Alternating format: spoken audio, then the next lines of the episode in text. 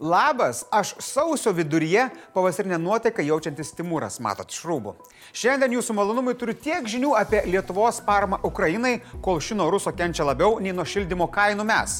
Papasakosiu apie prasidėjusias JAV ir Rusijos darybas Ženevoje, potvinio pamaryje pradžią, kaip Džokovičius neišėjęs į kortą pelnė pergalę ir pabaigoje pažadu linksmą video su Katinu ir Šamuku. Prezidentas Gitanas Nausėda sušaukė valstybės gynimo tarybą dėl Rusijos keliamos įtampos prie Ukrainos sienų. Vakarų šalis baiminasi, kad Putino pokerio partija su Ukrainos pasienyje prikauptais kariais nevirstų muštinėmis kaubojų salūnė. Šita įtampėlė kelia įtampėlę ir pas mus. Dėl to nuspręsta anksčiau negu planuota. Su kaiminėmis e, Baltijos valstybėmis įsigyti salvinių raketų sistemas. Šio žingsnio ekspertai laukia seniai, nes tai reiškia, kad geriau ginsimės nuo oro polimo. Salvinės sistemas įsigysime iki 2026-ųjų. Na, būtų faina, kad iki tol mūsų priešas dar leistų mums savo raumenis papumpuoti apkalbėta ir kaip mes galime padėti Ukrainai. Didindami savo karinės mokomosios misijos instruktorių skaičių, perduodami tam tikrą materialinę pagalbą, tai ir letalinė, ir neletalinė, ir humanitarinė parama, pavyzdžiui, Ukrainos karių gydymo ir rehabilitacijos tiesimas Lietuvoje. Plus dabar vyksta akcija su Lietuva draugauji, termovizualinių stebėjimo įrenginių gauni ne mažiau nei už 1 milijoną eurų. Kita naujiena. Bus didinamas šauktinių skaičius. Jų skaičius turėtų pasiekti 4400. Atitinkamai matyti didės ir verktinių gretos.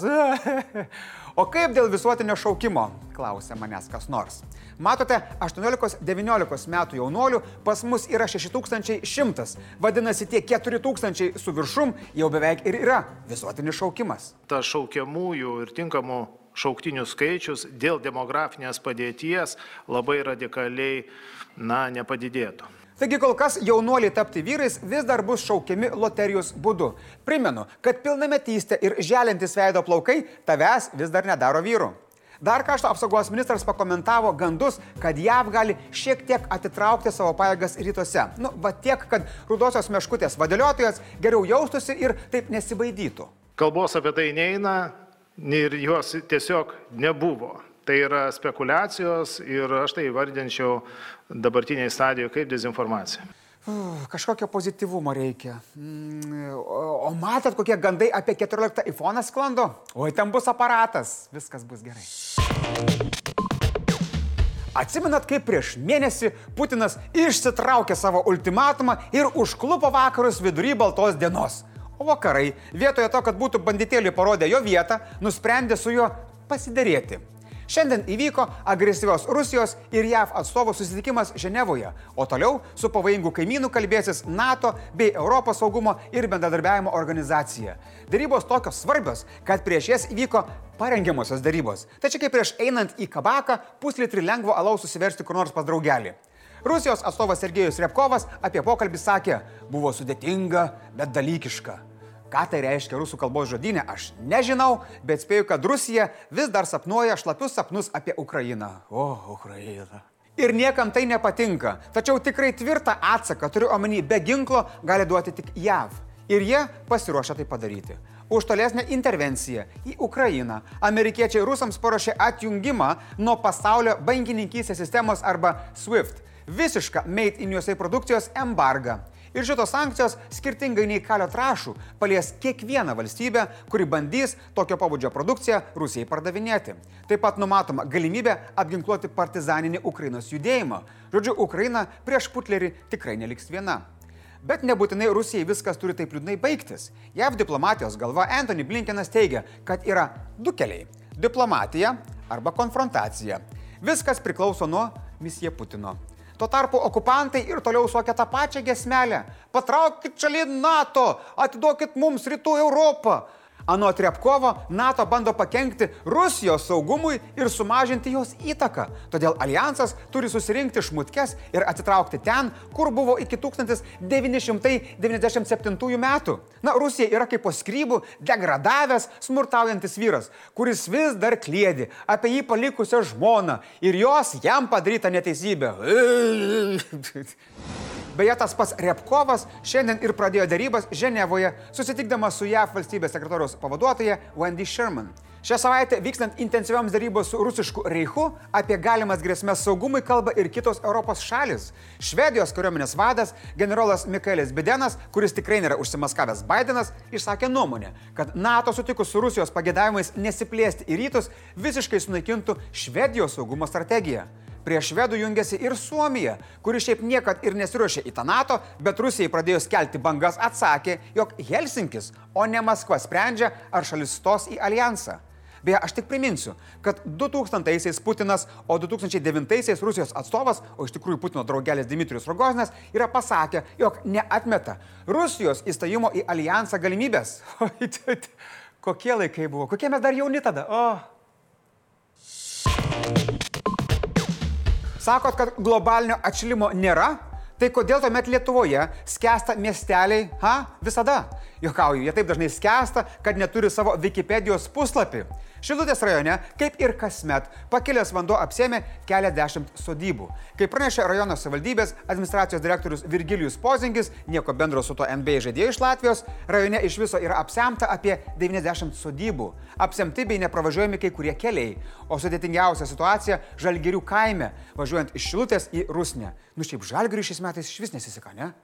Anot pozingio vietomis apsemtas ir kelias už Šilutės Rusnės estakados, kai kur vandens gilis siekia ir pusmetrį. Kol kas šis kelias dar pravažiuojamas. Na, jeigu Karbauskio esklaido vairuoji, tai tikrai drąsiai. Buu, tik tai. Direktorius teigia, kad tariamasi, ar skelbti ekstremalią situaciją, tačiau to kol kas neleidžia padaryti įstatymai, kas yra labai keista, nes ten viskas tvinsagi pastoviai. Tai galima jau buvo kaip ir pasiruošti tokius dalykus, ne?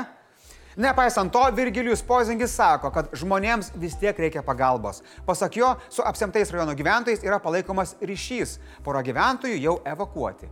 Meras Vytautas Laurinaitis informavo, kad šį rytą aptarti situaciją susirinko apsemtų teritorijų seniūnai, o didžiausia problema yra susikaupęs ledas atmatos upėje.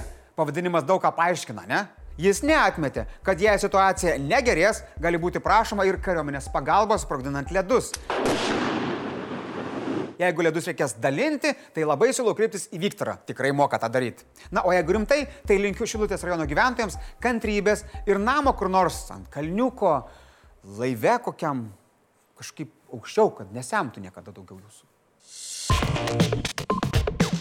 Geriausias planetos tenisininkas pergalę skina ne tik teniso kortose, bet ir teisme.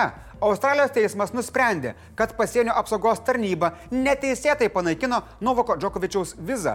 Pirmąjį pasaulio raketai šis sprendimas atveria kelią žaisti Australian Open turnyre. Tenisininkas teisme teigia, kad gruodį jis sirgo koronavirusu, todėl nėra vakcinuotas. Pagal Australijos įstatymus, žmogus, kuris yra neseniai persirgęs infekciją, gauna išimti atvykimui į šalį be vakcinos. Taigi viza gražinta, o Novakas, kaip sakė teismas, per 30 minučių turėjo būti paleistas iš pabėgėlių viešbučio. Tačiau tai dar ne pabaiga. Australijos imigracijos ministras Aleksas Hokas vis dar svarsto, ar atšaukti vizą. Australijoje šis ministras turi tokią galę. Jei taip nutiktų, tenisininkui būtų trejus metus uždrausta atvykti į Australiją. Kol kas, sakyčiau, kamuliukas ar vos australai.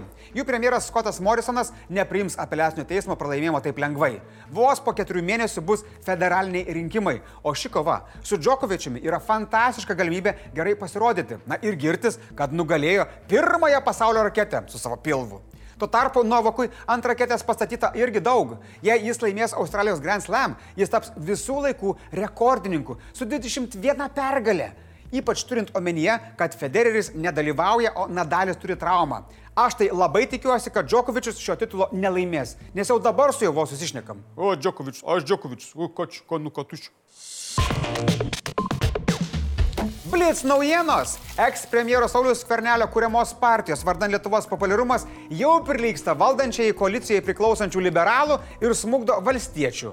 Pagal Delfis skelbiamą Spinter tyrimų apklausą pirmą vietą užima socialdemokratai, antri konservatoriai.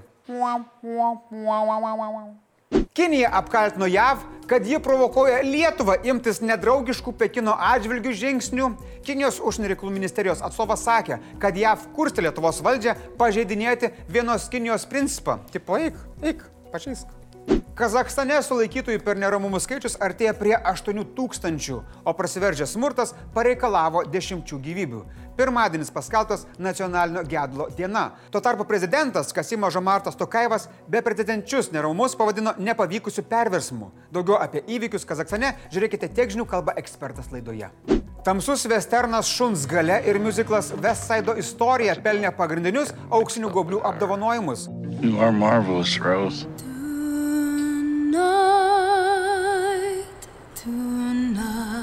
Geriausiu aktoriumi paskeltas Vilas Smithas, o geriausia aktorė Nicole Kidman. Vis dar hot. Brangus nepilnamečiai laidos žiūrovai, čia visi kam nuo 15 iki 18 metų. Kviečiu jūs prisijungti prie jaunųjų žurnalistų akademijos ir mokytis iš patyrusios Laisvės TV komandos. Čia rimtai, čia ne bairis. Daugiau informacijos laidos aprašyme. O dabar tai, ko laukit visi. Pasakysiu tik tiek. Eidami žvejoti, nelikit ant ledo.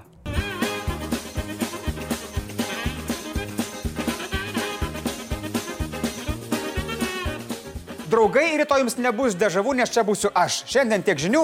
Iki.